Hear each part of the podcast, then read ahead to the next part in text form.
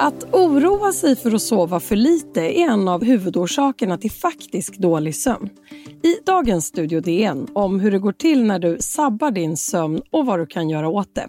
Jag heter Ylke Holago och nu har jag med mig Augustin Erba, redaktör för Dagens Nyheters lördagsmagasin. Hej! Hallå, hallå! Du har skrivit en artikel om sömn och självförvållat sömnsabotage. Hur är det du menar att vi förstör vår egen sömn? Ja, alltså den sömnforskare som jag har intervjuat eh, menar på att för de allra flesta så fungerar sömnen ungefär som puls och andning. Det går av sig själv. Eh, men om man håller på att börja oroa sig för det här och är rädd för att man inte ska sova tillräckligt, då kan det i sig skapa en stress varje gång man ska gå och lägga sig och därmed faktiskt skapa en sömnstörning som inte fanns från början. Um, ja, det finns ju ganska, som han beskriver, då, väldigt enkla knep då för att inte hamna i detta. Ja, vad är hans eh, råd till sömnlösa? Ja, men för det första, och det kanske hans viktigaste råd, är ju att man ska inte bekymra sig om man är sömnlös och det är några gånger i veckan upp till tre månader ungefär. Ehm, för att de allra flesta av oss drabbas av sömnstörningar som det kallas och det är inte så konstigt. Alltså vi går igenom svåra saker i livet eller vi är tvungna att vara uppe uppe sent på kvällen av någon anledning. Eh, och Då kan man få en sömnstörning. Och Det han beskriver och som, är, eh, och som jag tänker är väldigt lugnande då, det är ju att det är väldigt lätt att ta igen sömn. Eh, kropp, du, är du trött så kommer du att sova. Eh, det är liksom ett grundfaktum. Så att, så att, um, har du varit uppe sent eller har det hänt någonting som gör att du inte kan sova, ja men ta en tupplur eller försök sova längre på morgonen. och så där. Eh, för att inte då bygga upp det som kallas för en sömnskuld. Eh, det vill säga att man kontinuerligt sover för lite, för det är ju inte alls bra. Mm. Och Vad säger professor John Axelsson om hur de här sömnlösa nätterna faktiskt påverkar oss? Ja, um, har, du, har du en eller två eller tre sömnlösa nätter då under, under några månader, um, ja, då är det ju, påverkar det oss inte alls egentligen, annat än att man kanske blir lite seg, det blir inte lika kul dagen efter, man kanske inte ska köra bil några längre sträckor. Um, men eh, om det här pågår länge, på, att man liksom får en allvarlig sömnstörning, ja, då är det klart att det finns väldigt många negativa konsekvenser. Och hur påverkar sömnbrist eh, risken för sjukdomar som Alzheimer till exempel, som ju brukar nämnas i sömnbristsammanhanget? Ja, alltså en del av det jag ville åstadkomma med min artikel var ju att, att liksom förmedla det här som forskaren beskriver, att, att eh, eh, just att oroa sig för att sova är liksom en del av problemet. Eh, eh, och Då är det ju klart att, att, det är ju oroande att man då kanske skulle kunna öka risken för Alzheimer. Men, men om man ska sammanfatta vad sömnen egentligen gör. Eh, om man ska göra det väldigt, väldigt enkelt så kan man säga så här att sömn är lite grann som eh, en slags tvättmaskin som tvättar liksom din hjärna. Eh, och Det här låter ju kanske helt knäppt, men vad som händer när du sover och så går du in i den här djupaste fasen av sömnen, det är att hjärnan drar ihop sig lite grann.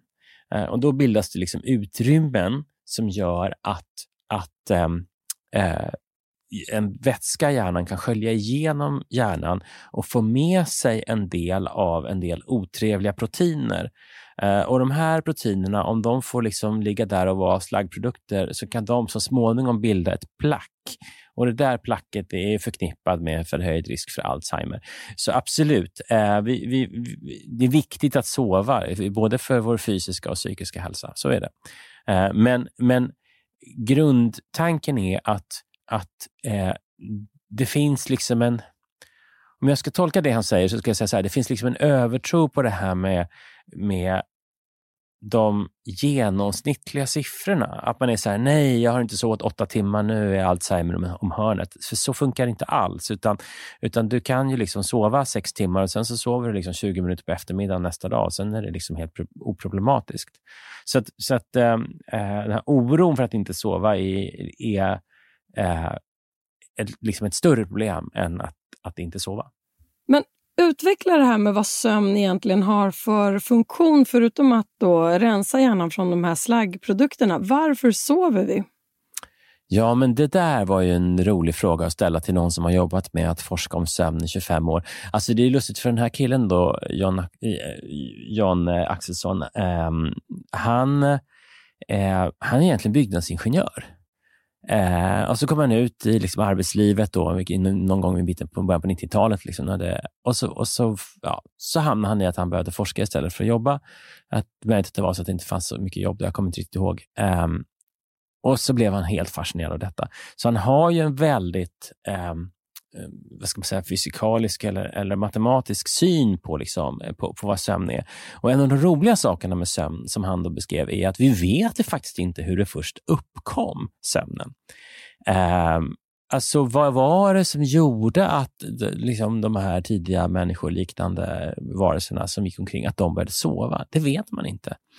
Ehm, eh, men eh, det finns ju liksom, det finns många bra teorier så eh, och en del handlar ju om eh, alltså, handlar ju om hjärnans utveckling. Då, ehm, så. Men, men man vet inte. Vad är det som gör att vi sover dåligt? då? Det kan vara många saker. Alltså dels är det, ju, och det här var en av de råden han hade. och Det var ju det att, att om, du, om du är, som jag skriver i artikeln, här, om du liksom är nyskild och har spelat bort liksom sista månadslönen på, på eh, Solvalla och sen fått sparken och sen sover dåligt, då är ju liksom inte sömnen problemet, utan då är det ju liksom din situation.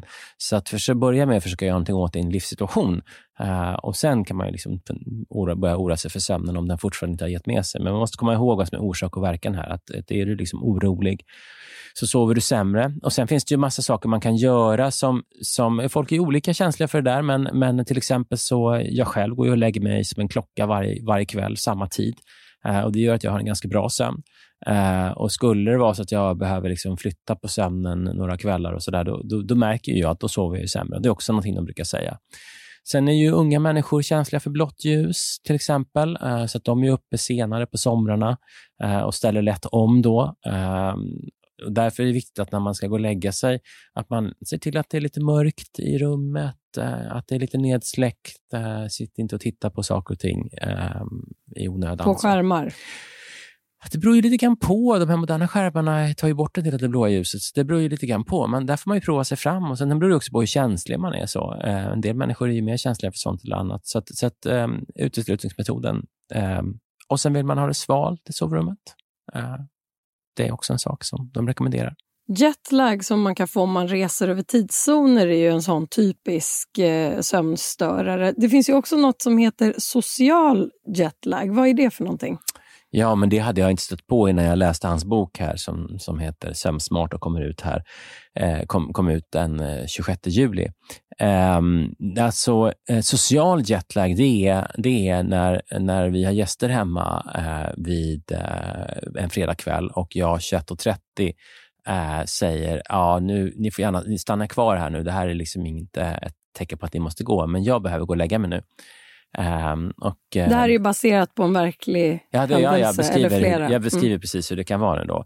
Uh, och Det gör jag ju för att undvika social jetlag som jag skulle få då om jag satt uppe med mina visserligen trevliga vänner, men då skulle jag ju bli så trött och så skulle jag inte kunna skriva på mina böcker på morgnarna och så skulle det få såna kaskadeffekter som gör att jag liksom inte skulle... Ja. Då plötsligt så ligger jag också vaken klockan tre och jag är så här bara, nej, Ja, och vad är formen för att komma åt det? Tycker du att det är bättre att offra sitt sociala liv för en god nattsömn? Vad har du kommit fram till? Ja, men jag tycker inte man behöver välja. Man kan väl, jag tycker att det finns liksom en...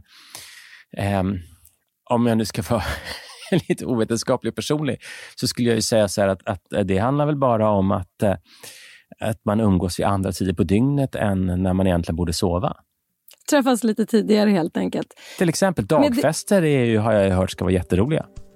Absolut, så här i festivaltider. Eh, med det ska vi ta en kort paus och sen prata vidare om sömn, sömnlöshet och vad vi kan göra åt detta.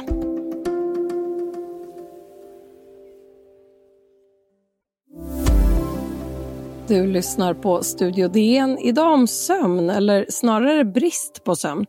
Augustin Erba, redaktör på Dagens Nyheters lördagsmagasin.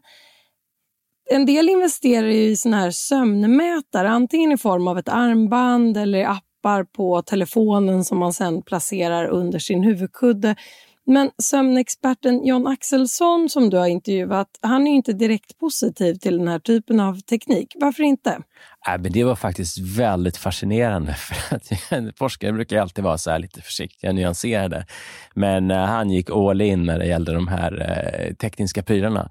Alltså, det var, det var så... Alltså, eh, till att börja med, eh, han menade på att, de, att det är många av de här som inte säger som det är. Därför att han sitter ju då med ganska avancerad eh, liksom, mätutrustning. Han mäter liksom hjärnans elektricitet. Han kan liksom se, se liksom saker och ting på med hyfsat hög eh, eh alltså tillförlitlighetsgrad. Eh, men han menar på att, att, att flera av de här apparna och, och, och, och liksom armbandsuren och sådär, eh, de, de vågar inte säga till exempel att man vaknar tio gånger per natt, för att då vet de att man kommer bli orolig. Men vi vaknar ju tio gånger per natt, även om vi inte märker det själva. Till exempel, så att de säger som det är. Och Sen så menar han också på att, att otroligt svårt att få precision i sömnmätning.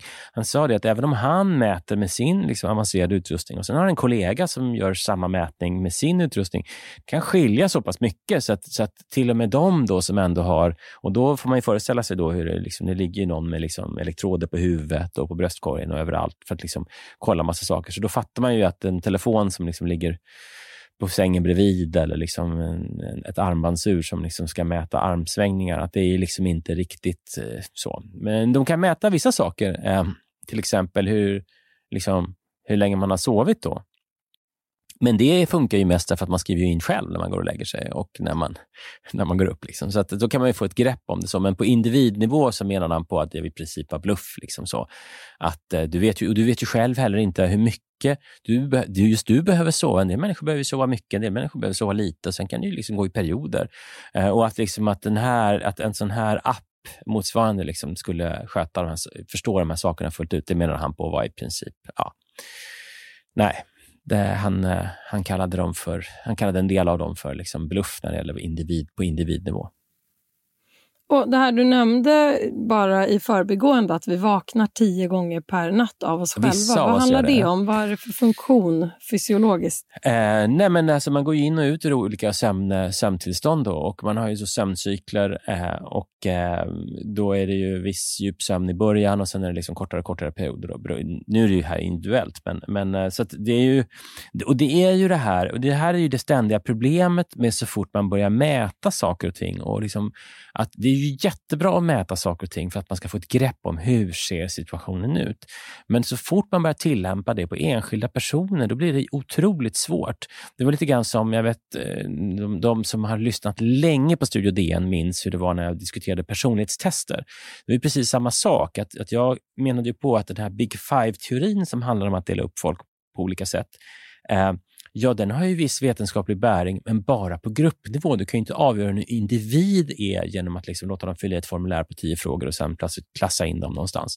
Och Likadant är det med sömnen Eh, och, näst, och även med liksom småbarns vikt till exempel och viktkurvor. Att man, man har ett, en övertro på att de här kurvorna, som ju faktiskt bara är ett snitt, att de ska fungera på individnivå. De ger, kan ge en hint på om man ska titta på någonting, men de är ju verkligen inte, liksom, de är inte, de är inte bara för att det är siffror betyder inte att det är mer sant sant än ord. Just när det gäller sömn så har vi också ett begrepp som ja, alltid har eh, svängts med, men frågan är vad det egentligen betyder. Skönhetssömn tänker jag på.